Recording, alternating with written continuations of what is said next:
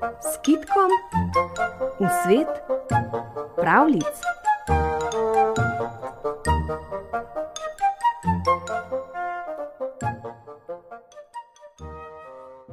Pred davnimi časi, takrat, ko ni bilo še niti naših staršev, niti starih staršev, se je volk odpravil zgoraj v dolino. Zagledal je velik pašnik, na pašniku drevo, v senci pa osla, ki se je pasel. Kaj vidim, kosilo, si je rekel. Samo nekako ga moram pretentati.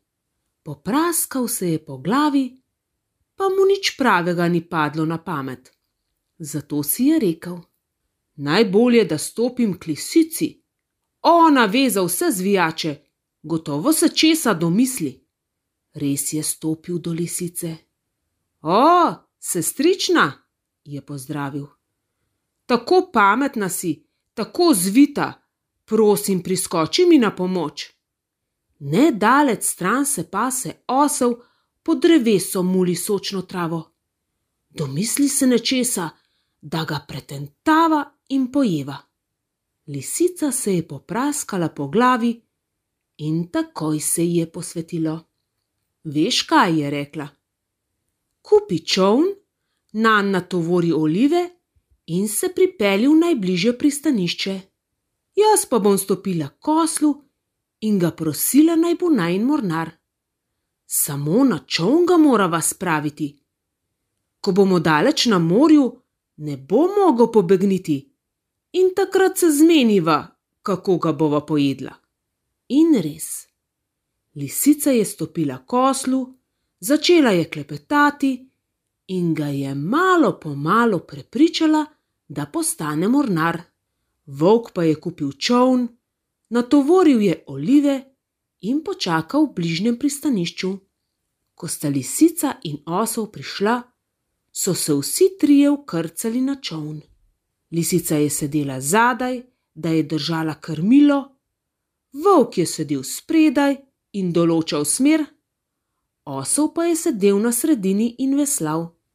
Bili so že daleč na odprtem morju, ko je lisica rekla: Kako lep dan je danes, kako mirno je morje, ravno pravšle za izlet.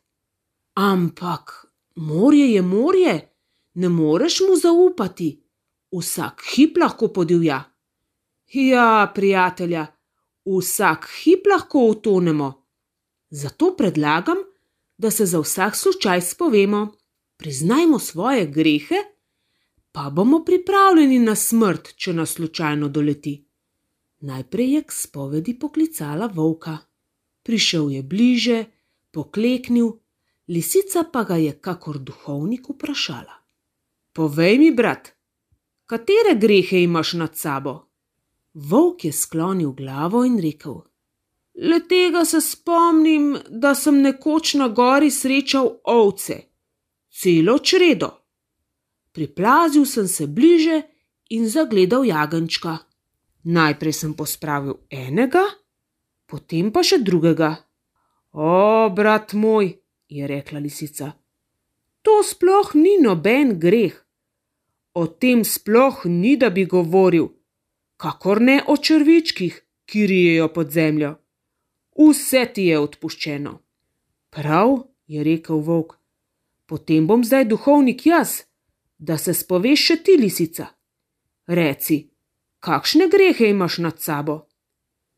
Lisica je pokleknila preden in rekla: No, bilo je poleti že dolgo je tega. Šla sem mimo neke vasi, in sem se spomnila na prijatelje, ki jih imam tam v kurniku. Mračilo se je, pa sem si rekla, da jim zaželim lahko noč.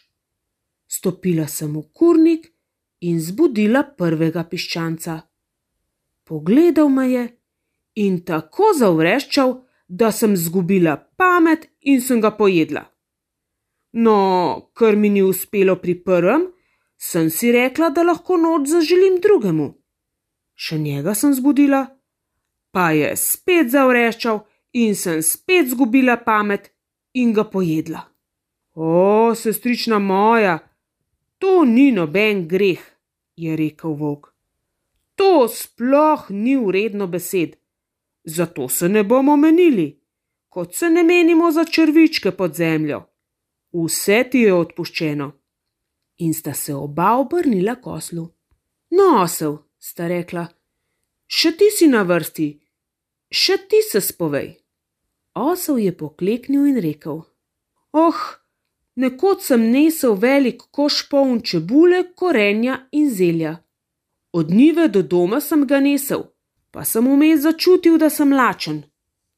Pogledal sem nazaj in videl, da je iz koša ravno takrat padel zelni list. Škoda, da zgnije, sem si rekel in sem ga pojedel. Volk in lisica sta se spogledala in skočila po konci. Kaj? Cel zelni list si pojedel in to brez kapljice olja in brez kapljice kisa. Kakšen greh, kakšen greh! Čudno, da se pod njegovo težo nismo potopili. Za kazen te bova požrla. Ampak to ni prav, je rekel osel. Vidva sta jedla piščance in ovce, in zdaj me bosta kaznovala za en zelni list. Veš, kaj je zelni list? In to brez kaplje olja in brez kaplje kisa. O, kakšen greh! Požrla te bova in konec. Prav, je rekel osel. Ampak preden me požreta, imam še eno prošno. Moj dobri oče mi je zadaj na desno potkel zapisal neki na svet. Ko boš v stiski, ga preberi, mi je rekel. Pa ga nisem še nikoli. Ne bi bilo prav, da grem sveta, ne da bi se zmenil za njegove besede. Prosim, bodite tako dobra, naj mi jih nekdo prebere. No, prav, je rekel volk in stopil za osla. Sklonil se je k potkvi, da bi prebral, kaj piše. Takrat pa ga je osel tako močno brcnil, da je zletel v morje in utonil. Lisica je skočila za njim, da ga reši, pa je utonila še sama. In kaj je naredil osel?